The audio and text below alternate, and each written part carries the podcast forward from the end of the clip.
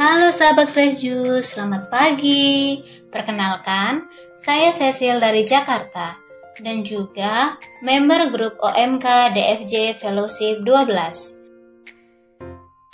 Sesaat lagi kita akan mendengarkan renungan Fresh Juice edisi OMK Rabu 20 April 2022 yang akan dibawakan oleh Alan Angel Berkewas dari Pamengpek, Garut. Selamat mendengarkan.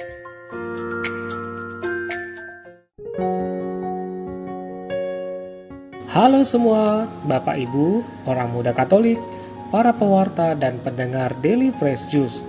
Apa kabarnya nih? Berjumpa kembali bersama saya, Alan Engelbert Kewas dalam renungan Daily Fresh Juice Spesial OMK pada hari Rabu dalam Oktav Paskah. Sebelumnya, ayo kita gelorakan bersama-sama. Selamat Paskah, Kristus bangkit dan menang. Yes, yes, yes. Sekali lagi ya. Selamat Paskah, Kristus bangkit dan menang. Yes, yes, yes.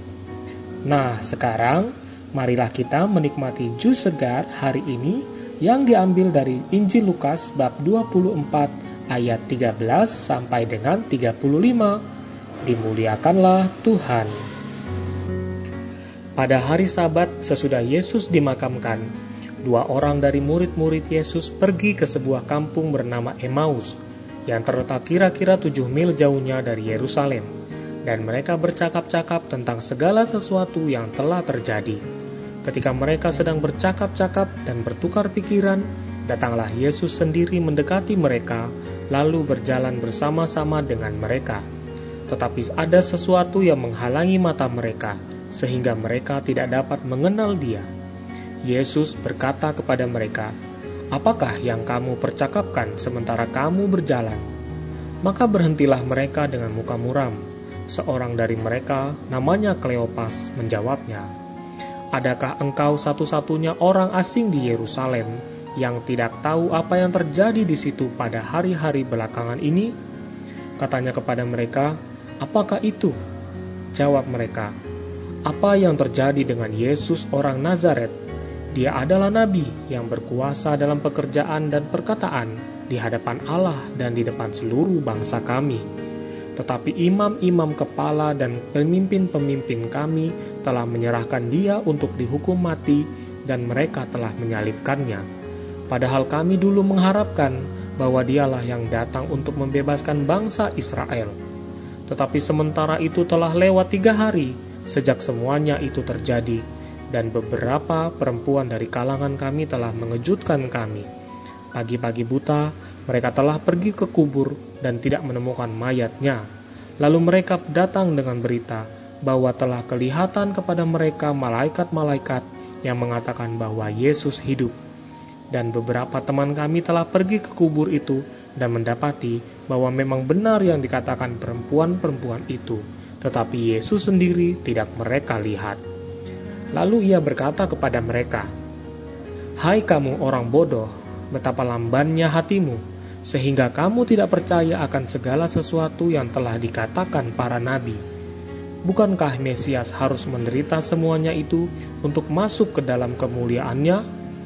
Lalu ia menjelaskan kepada mereka apa yang tertulis tentang dia dalam seluruh kitab suci, mulai dari kitab-kitab Musa dan segala kitab nabi-nabi. Sementara itu mereka mendekati kampung yang mereka tuju. Ia berbuat seolah-olah hendak meneruskan perjalanannya, tetapi mereka mendesaknya dengan sangat. Tinggallah bersama-sama dengan kami, sebab hari telah menjelang malam dan matahari hampir terbenam. Lalu masuklah ia untuk tinggal bersama-sama dengan mereka. Waktu duduk makan dengan mereka, ia mengambil roti, mengucap berkat, lalu memecah-mecahkannya dan memberikannya kepada mereka Ketika itu terbukalah mata mereka dan mereka pun mengenal dia. Tetapi Yesus lenyap dari tengah-tengah mereka.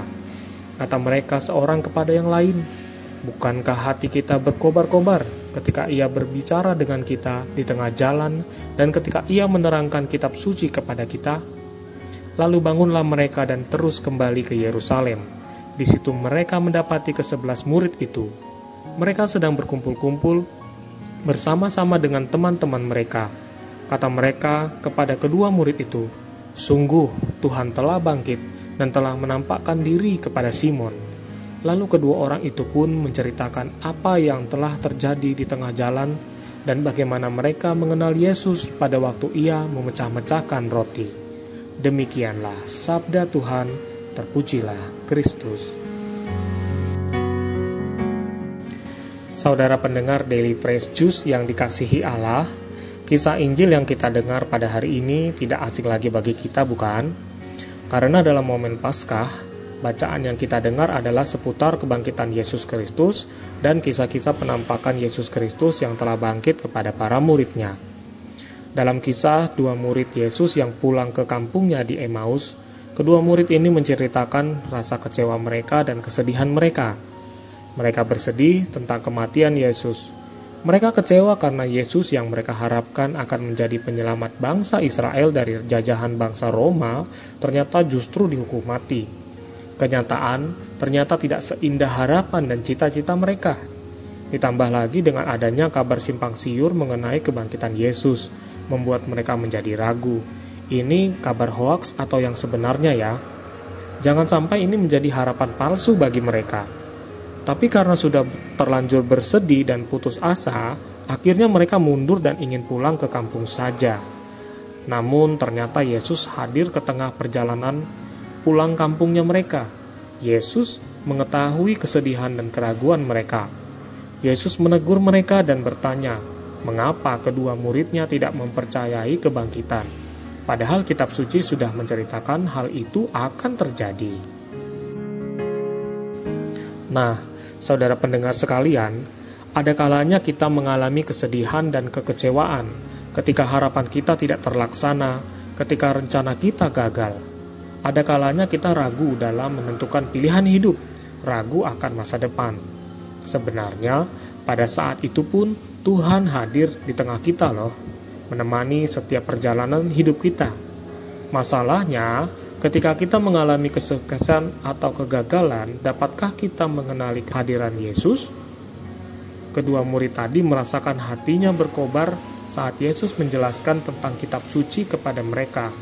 Sewaktu mereka mendengarkan Yesus berbicara kepada mereka, awalnya mereka tidak bisa mengenali kehadiran Yesus. Dikatakan bahwa ada sesuatu yang menghalangi. Mungkin karena pikiran kedua murid tersebut terlalu larut dalam kesedihan meratapi harapan mereka yang gagal. Lalu mereka mulai mencari kambing hitam, menyalahkan imam-imam kepala dan pemimpin mereka yang membuat Yesus akhirnya mati di salib.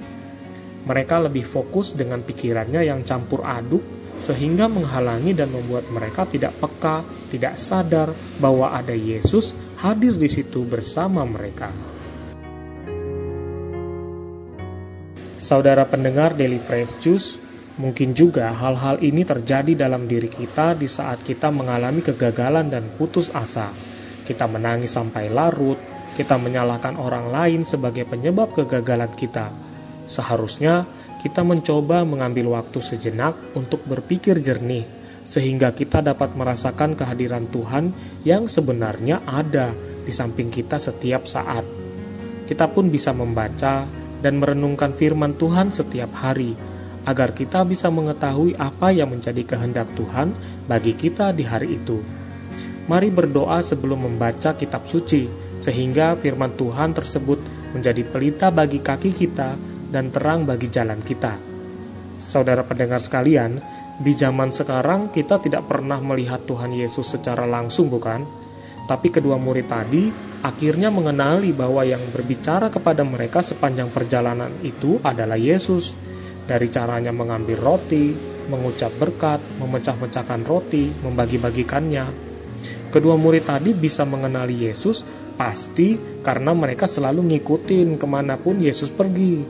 Perjamuan bersama Yesus begitu nempel dalam ingatan mereka.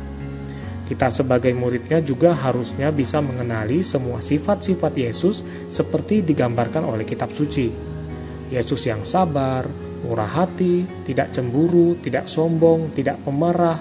Banyak sekali disebutkan sifat Yesus adalah kasih. Kehadiran Yesus ada di dalam ucapan penghiburan seorang teman ketika kita sedang bersedih. Ketika kita sukses dan ada yang memberi kita nasihat untuk tetap rendah hati, di sana Yesus hadir. Jika kita mendapat rezeki lalu kita berkeinginan untuk bersedekah kepada orang lain, di sana pula kita menghadirkan Yesus bagi sesama. Saat kita berdoa, Yesus hadir. Saat kita mengikuti Ekaristi, Yesus hadir. Saudaraku yang terkasih, Yesus Kristus telah bangkit kita tidak lagi melihat wujud aslinya, namun kita bisa mengenali kehadiran Kristus dalam setiap perbuatan kasih yang kita terima dan yang juga kita lakukan.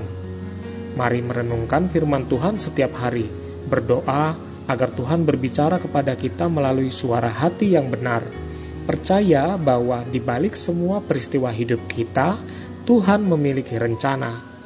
Cara lain yang bisa kita lakukan, seperti kedua murid tadi, Ikutilah perayaan Ekaristi dengan kusyuk, karena dalam komuni kudus yang kita terima, Tuhan Yesus hadir dalam rupa tubuh dan darahnya serta menyatu dalam diri kita.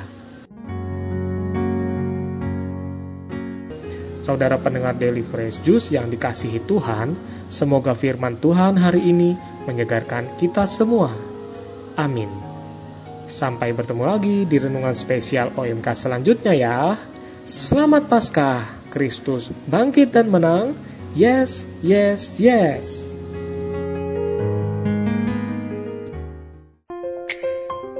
Terima kasih kepada Alan Angel Berkewas atas renungannya hari ini. Semoga apa pun yang sedang kita alami saat ini tidak menghalangi kita untuk tetap menyadari kehadiran Tuhan di dalam kehidupan kita. Tetap semangat Tuhan memberkati. Salam fresh juice.